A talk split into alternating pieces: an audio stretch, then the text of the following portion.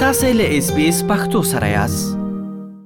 په افغانستان کې د وسلوالو طالبانو سرپرست حکومت ویلي چې د هیواد په کچه په لوی ملي مسلو د بحث په پار لوی غونډه جوړوي چې تر اوسه ورته سرلیک نه دی غوړه کړی د دې غونډې د رابللو او چمتووالي په مخه وار د مخه سیاسي کمیسیون جوړ شوی دی سره له دې چې د وسلوالو طالبانو د سرپرست حکومت د کانونو او پټرولیم وزارت سرپرست وزیر شهاب الدین دلاور تیر اونۍ په یو خبري ناسته کې د دې جوړیدونکو غونډې لپاره د لوی جرګې کلمه وکاروله خو اوس د هغوی د حکومت یو بیان انعام الله سمنګانی اس بي اس ته وویل چې دې غونډې ته تر اوسه پر هیڅ ډول سرلیک باندې هوکړه نه ده شوې. سمنګاني په خپلو خبرو کې دا ومنله چې د هیواد په کچه د لویو مسلو پر سر بحث ته د دغه راز یوې غونډې تابیا نیول کیږي. هغه وویل د دې غونډې د جوړولو د څرنګوالي، غړو او اجنډا په اړه پر یو ټولنیزه طرحه کار روان دی چې تر بشپړیدو وروسته به یې د حکومت کابینه تصویب او د طالبانو مشرتابه تایید کړي. تر اوسه داسې دقیق نه ده چې که کوم افغاني مجمع راغوښتل کیږي نو عنوان به یې څه وي، لوی جرګه به وي، شورا به وي یا بل کوم څیز به وي. همدغسې لا تر اوسه فورمټ هم مشخص نه ده چې په کوم فورمټ به دا مجمع خپل کار مخې ته بیایي او دا هم لا تر اوسه مشخص نه ده چې څوک څوک او څومره کسان به دې مجمع ته راوختل کیږي نو تر اوسه دغه باندې فکر روان ده او غور روان ده خو داسې کوم نهایی طرحه مونږ په الحال نه لرو دې باره کې نو که چېرته طرحه نهایی شي او کابینې ته وړاندې شي د هغه ځینه تصویب شي او بیا اسلامي امارات رهبري مقام ته وړاندې شي او هغوی تایید کړي د هغه نه بعد بیا نو یو څه به اعلان شي د چارو خاوندان د دې عنعنوي لویې جرګې او یا غونډې د جوړېدو په اړه بېلابېل لیدلوري لري له دې ډلې یو شمېر هغه د طالبانو له دې اقدام څخه هرکلی کوي او وایي که په مناسب وخت کې دا غونډه راوبلل شي او واقعي لویه جرګه وي نو پایله به یې ښه وي د دوی په باور د ملت غوښتنه هم دا وه چې وسلوال طالبان باید دوی ته رجوع وکړي او له دوی مشروعیت واخلي چې یوازینۍ لاره یې همدا لویه جرګه او یا هم ټاکنې دي. د طالبانو لپاره سالم او مفید کار د ملت تم لپاره او د ملت تقاضا لپاره هم همدغه لویه جرګه وه چې ټولو تقاضا همدا وه چې طالبان باید ملت ته رجوع وکړي، له ملت نه باید مشروعیت واخلي، یعنې د ملت په رایه باندې یو حکومت جوړ کړي، د ملت خواستو ته، خبرو ته او پیشنهادو ته، ارادې ته غوږ ونیسي چې همدغه لاره یا لویه جرګه وي یا ټاکنې وي. لویه جرګه په. زموږ تاریخي او کړکېښي بنیاد هم لري، دودیز هم ده او قانوني هم ده، ځکه په لویه جرګه کې هم راغلی، که خدای نخواسته کوم بل نوم ورکوي، دا بیا کېدای شي د پردیو اجندا وي او که لویه جرګه وي، بیا نو دا ښه مشروعیت ده، کولای شي طالبان خپل دولت مشروعیت پیدا کړي او که چېرې کورنی مشروعیت پیدا کړي، بیا نو خامخا نړیوال مشروعیت هم حل کېږي او نړیوال هم نیوکه نشي کولای، ځکه په اراده د ملت باندې به یو شی جوړېږي او خدای وکړي چې بهر نه او درنه واقعي استازي د ملت په دې ګډون کې خو یو شمېر کتونکي بیا د طالبانو له دغه اقدام څخه په نیوکې سره وایي چې د تاریخ په اوږدو کې ډېرې دغه ډول راغوښتل شوې جرګې اغېزمنې نه وي ځکه د وخت واکمنانو یوازې پرې خپلو نظامونو ته مشروعیت ورکړ او ښایي چې دا جرګه هم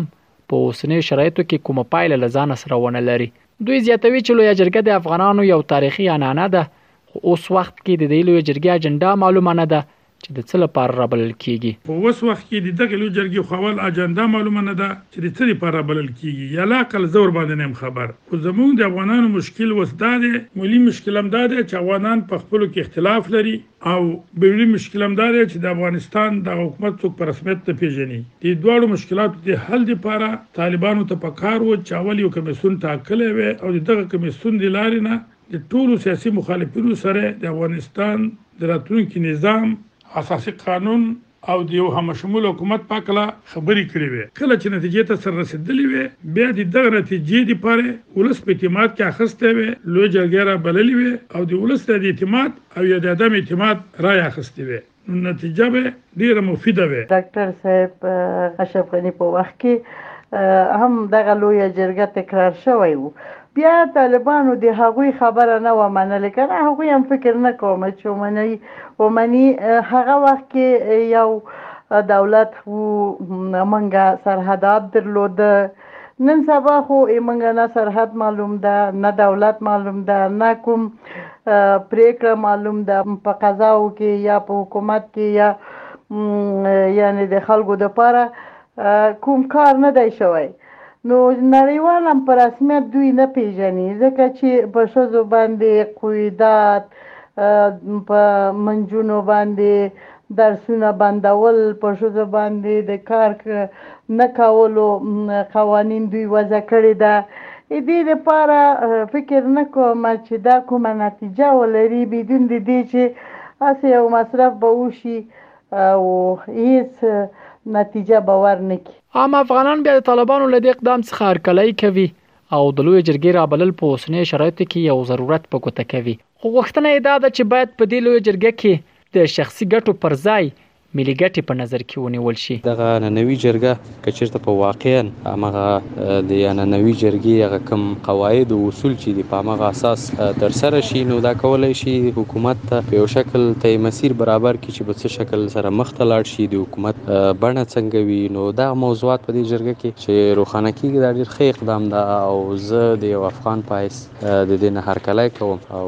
په دې امید چې دغه ډول حرکات او دغه ډول اقدامات د دې باعث شي چې بالاخره په دې وطن کې هغه دایمي سوله او ثبات چې د ټولو هیله ده هغه راشي. نن ورځ چې طالبان حاکم دي په دې وطن باندې نو ډېر زیات ضروري ګڼل کېږي چې دوی لویه جرګه راوبولي هر او قوم په غي کې وشي کړای چې خپل غږ ولري او مشران پکې وشي کړای خپل نظر پکې ورکړي او د افغانستان ملي ګټې په نظر سره نیول چې دوی وشي کړای چې د یو فیصله ته ورسیږي چې افغانستان چې په کوم ستونزو سره اوس مخامخ دی او دغه کومه اقتصادي او سیاسي ستونزو سره چې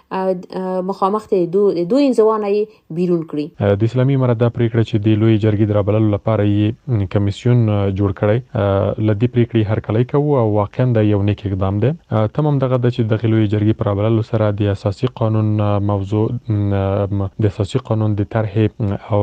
ترتیب موضوع یو طرفه شي، د مشروعیت موضوع هم یو طرفه شي او دغه راز د هېواد هغه نور لوی سیاسي مسایل په اوسنیو شرایطو کې یې پریکړې ته ښه د ضرورت دی د هغې په اړه هم یو تفاهم رامنځته کړي. وسله وال طالبانو په افغانستان کې د دودیزې لویې جرګې د رابللو خبر داسې مهال ورکوي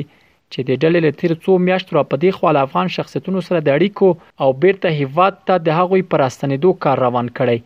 وسله وال طالبانو په دې وروستیو کې ویلي چې سیاسي شخصیتونو ته به اجازه ورکړي چې هیواد ته راشي او په امن کې ژوند وکړي خو په حکومت کې څوکۍ نه ورکوي خو د وسلوال طالبانو مخالفو څیرو او د افغانستان د ژغورنې لپاره د مقاومت ملي جبهې پیاوړ د مخه د دې لوی غونډې رابلل تیرستنه او د طالبان لوري د ناوړه د سیسو د توجیه کولو لپاره هڅه بللې ده رحیم الدین اوریا خیل اس بي اس رادیو افغانستان